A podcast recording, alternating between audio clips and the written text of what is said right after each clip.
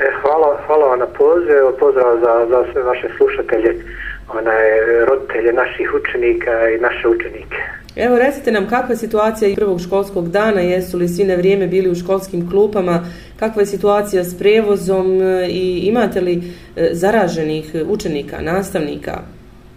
Pa evo, jutros nakon znači dvije sedmice e, odgode početka drugog polugodišta jutro smo krenuli sa nastavom nema nikakvih problema e, svi učenici su bili na vrijeme u školskim klupama znači što se tiče prevoza došao onako na vrijeme onako kako je i planirano nema nekih poteškoća prema e, informacijama od prošle sedmice pošto mi utorkom šaljemo izveštaje prema našem ministarstvu kad su u pitanju zaraženi, e, eventualno zaraženi učenici, odnosno učenici koji su u izolaciji.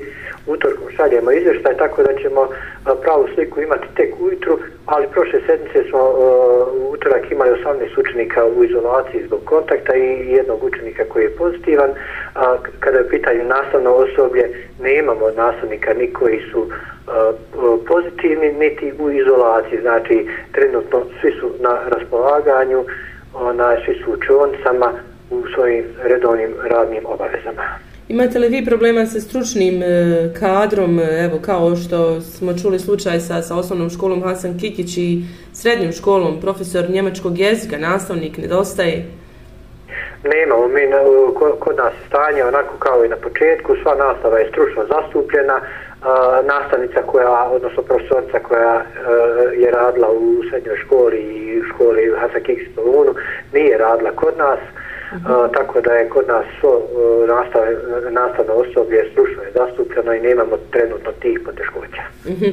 Evo da dodamo možda još ovo informaciji koliko je to učenika, dakle sjelo jutro su školskih klupe u centralnoj i područnim školama.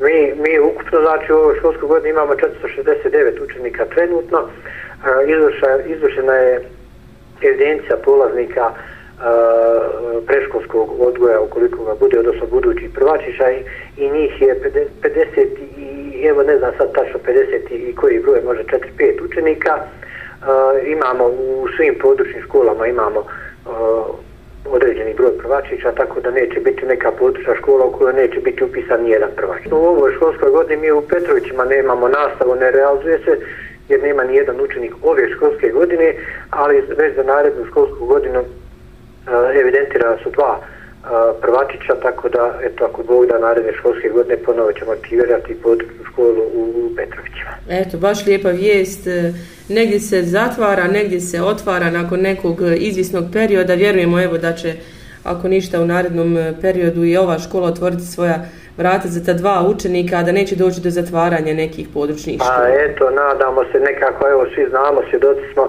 u, u cijeloj državi je trend ovaj, odseljavanja stanovništva, ali evo mi e, na, na, na našem školskom području, dakle na školskom području osnovne škole Olovo, mi zadnjih 5, 6, 7 godina otprilike imamo tu neki isti broj upisanih prvačića, to, to je negdje oko između 50 i 60 prvačića, znači nekako stabilan je broj trenutno. Dok će to biti, evo pokazat će vrijeme. Da, da. Evo ne znam da li imate tačan broj, baš me zanima koliko tačno učenika pohađa školu u Olovskim Lukama, koliko na Prgoševu, Duganđićima?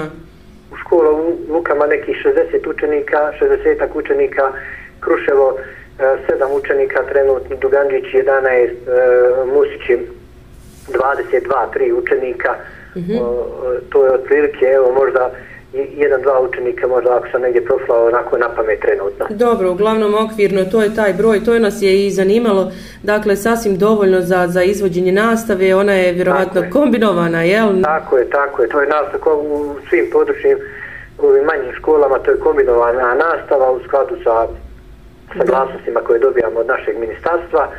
Osnovna škola u Olovskim lukama ima jedno kombinovano odjeljenje, tri su čista odjeljenja, ove ostale područne škole su uglavnom kombinovane odjeljenja, u centralnoj školi nemamo kombinovani odjeljenja, sva su odjeljenja čista, onako jedan e, prosječan broj, onako kako i treba. Eto, tako to, mm -hmm. nada se da će tako i ostati u narednom periodu. Da, da, da, i da će biti bolje, jel ja? naša naj, naj, najdalja relacija su Bećari, dakle mm -hmm. mi Koliko imamo učenika od Ozgova?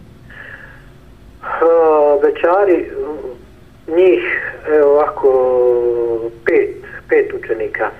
Pet učenika ukupno Bećari ima, imamo sad red kad krenete Bećari pa ne znam evo sad tačno koja je ona sela preko Kolakovića to nam je najduža relacija. Da, da. Kad je u pitanju udaljenost od centralne škole i područna škola Petrović i to, to je ovaj, Isto 17 km, tako da je otprilike i to, evo možemo reći, jedna od tih udaljenih relacija, ovaj, a eto naše školsko područje obuhvata dalje Kruševo, Prgoševo, Musići, evo, Olovske luke, ono sve što gravitira Olovskim lukama, Bakić i ovamo, već duže vrijeme nemamo učenika u Ajdinovićima, nema ovaj, mm -hmm. ni u centralnoj, niti gore funkcioniše područna škola koja je nekad radila. Isto tako nemam, nemam učenika iz Nevačke, to je već negdje, negdje stalo prije par godina. Da, da.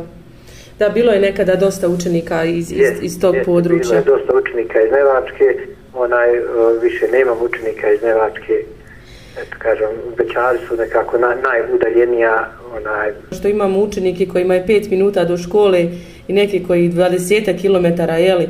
E, Tako je, koji mora ustati ne da. znam koliko rano da dođe na, na, na, na prevoz i da dođe da dođe do škole i onda čekanje prevoza nazad, tako da su oni ono baš skoro cijelodnevno u toj aktivnosti. Jeste. I obično su ti, čini mi se, učenici sa mnogo boljim rezultatima nego oni kojima je 5 minuta do škole.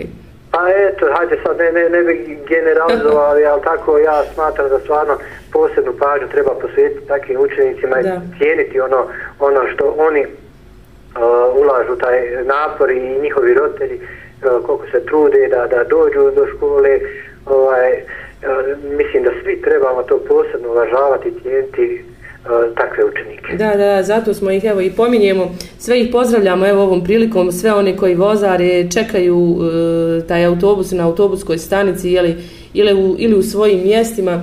E, hvala vam direktore na svim ovim informacijama, evo nadamo se e, ukoliko je to sve naravno ako nešto imate da dodate izvolite slobodno osim evo da vam na kraju svima čestitamo i poželimo početak e, školskog polugodišta ovog drugog da protekne sve onako u najboljem redu da ne bude ne daj Bože opet kakvog prekidanja nastavi. Tako je, evo ja evo samo još jednom ću iskoristiti priliku da pozovem sve nas, znači i, i učenike i uposlenike škole i naravno i roditelje da se maksimalno pridržavamo svih ovih epidemioloških mjera, da budemo odgovorni.